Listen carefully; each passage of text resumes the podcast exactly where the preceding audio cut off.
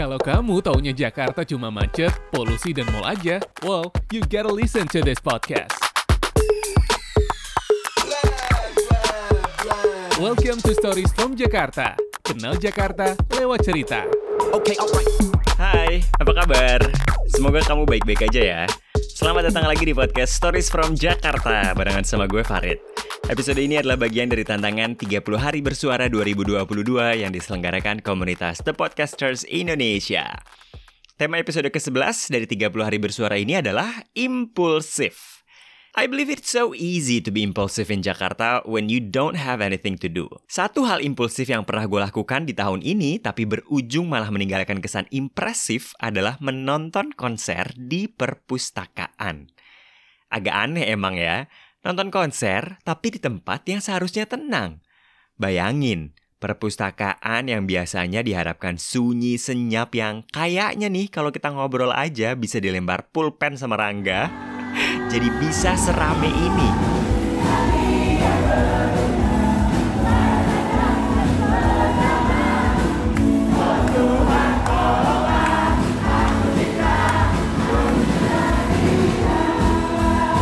Acara ini diadain sama Perpustakaan Jakarta yang di Taman Ismail Marzuki sebagai bagian pembukaan Pusat Kesenian Taman Ismail Jakarta pada tanggal 23 September kemarin. Acara ini disebutnya Night at the Library. Karena emang perpustakaannya buka sampai malam, sampai jam setengah sembilan. Tapi tentunya harus daftar dulu, karena tempatnya terbatas banget. Gimana gue bisa datang dan ikutan nonton? Gini-gini, pertama, lo bikin dulu akun di Jaklitera. Buka situs perpustakaan.jakarta.go.id, terus bikin akun deh. Di situs ini kita bisa registrasi untuk datang ke perpustakaan, ataupun kalau misalnya kamu mau pinjam buku. Nah, beberapa hari sebelum acara, tiba-tiba akun @perpusjkt itu ngepost kalau mereka mau ngadain konser Night at the Library. Gue awalnya sih nggak niat-niat amat, cuman penasaran aja. Gue bukalah akun Litera gue. Eh, ternyata pas gue pilih tanggal eventnya, masih ada undangannya dong. Jadi deh gue klik, eh ternyata dapet dong beneran invitationnya. Invitationnya berupa QR code untuk di-scan pas hari H. Acara Night at the Library ini kayaknya akan dibuat secara reguler deh. Karena yang gue datengin kemarin itu adalah acara yang kedua. Acara Night at the Library yang pertamanya ternyata udah diadain di awal bulan September. So, it's interesting that it's gonna be a regular event. Gue percaya semakin lama acaranya justru akan semakin besar sih. Karena yang kedua ini aja udah ada sponsornya, yaitu Bank Mandiri.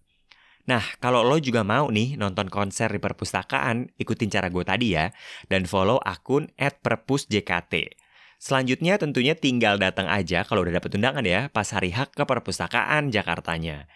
Perpustakaannya itu ada di gedung yang paling besar dan panjang, Sebutannya sih gedung panjang aja ya, walaupun nama resminya adalah Gedung Ali Sadikin. Banyak yang bilang kalau gedung ini terinspirasi dari bentuk kapal. Sebenarnya emang mirip sih, tapi, kalau gue sempat baca wawancaranya sang arsitek ya, Pak Andra Matin di Tempo, ternyata terinspirasi dari rumah panggung. Nah, ini lebih make sense nih, karena bagian bawahnya itu emang jadi lorong dan food court. Patokan gedungnya itu kalau kamu lagi menghadap ke area tim, dia ada di paling kiri yang di depannya ada patung sang pahlawan yang namanya dipakai untuk pusat kesenian Jakarta ini, yaitu Bapak Ismail Marzuki dengan biolanya. Yang gue suka dari gedung ini adalah nyatunya tangga masuknya dengan trotoar. Jadi lo langsung aja gitu bisa naik ke atas dari trotoar. Perpustakaan ada di lantai tiga. Jadi lo naik tangga dua kali. Pertama naik tangga manual, terus ada eskalator naik lagi sekali. Nah di sebelah kanan lo adalah area perpustakaannya. Kemarin sih acara konser Night at the Library-nya mulai jam 7. Tapi gue saranin kalau lo dapet undangan, lo datang setidaknya jam setengah 7. Soalnya ya masuknya antri dan nanti ada hubungannya dengan tempat duduk. Begitu udah jam setengah 7, tuh biasanya orang-orang akan langsung berdiri tuh depan pintu kaca, pintu masuk perpustakaannya. Ikut aja deh antri. Dan begitu pintu dibuka, langsung siapin barcode undangan untuk di-scan. Tips berikutnya adalah, nggak usah bawa barang-barang yang ribet. Karena tas lo akan dititipin ke locker dan lo cuma bisa bawa barang-barang berharga kayak handphone atau dompet. Jadi ribet kalau lo bawa tas gede-gede dan harus cari-cari barang yang lo mau bawa.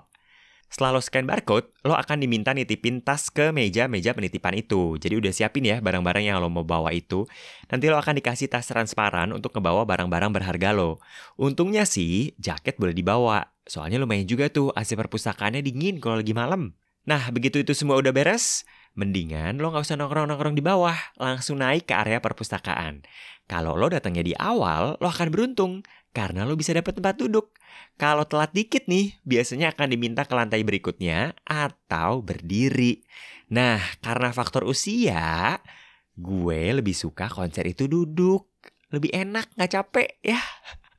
Jadi lebih bisa nikmatin musiknya. Tapi kalau lo sukanya nonton konser sambil berdiri, joget-joget, nyanyi-nyanyi, ya nggak masalah juga. Serunya perpustakaan Jakarta kan areanya berundak-undak ya. Nah, bagian yang bertangga-tangga yang biasanya tempat kita cari buku atau duduk lesehan itulah yang dijadiin panggung.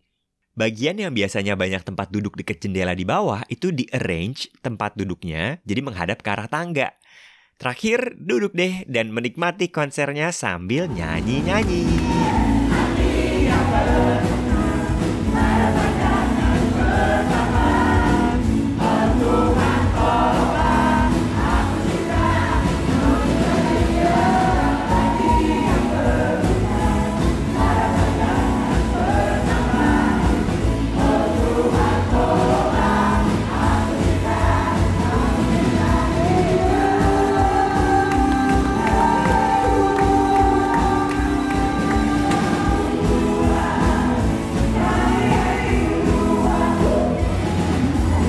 Say the experience was magical. Seru banget. Perpustakaan memang tidak didesain untuk konser musik ya. Jadi untuk suara, gemak, sampai lampu, ya emang gak kayak konser-konser biasanya. Tapi there's something fascinating about watching a concert with books as the background. Overall, it was just unique. Nggak usah takut kalau lo datang sendirian, karena menurut gue, the experience was still enjoyable even if you go alone. Waktu itu gue pun sendirian kok. Oh iya, kalau setelah konser lo masih mau baca atau nongkrong di perpusnya, di hari Night at the Library, itu perpustakaannya buka sampai jam setengah sembilan malam. Biasanya kan tutup jam 5 dengan waktu terakhir check-in jam 4 sore ya. So if you don't wanna miss it, jangan lupa follow Instagram at perpusjkt supaya tahu kapan konser di perpustakaan ini bakal diadain lagi. Harus follow atau klik notifikasinya karena mereka ngadain acaranya juga suka dadakan alias impulsif. Add it up.